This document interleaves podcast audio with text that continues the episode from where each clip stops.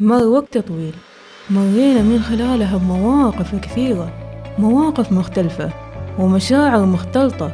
سقطنا بلحظات وتعثرنا وقوينا من عزايمنا بلحظات ثانية.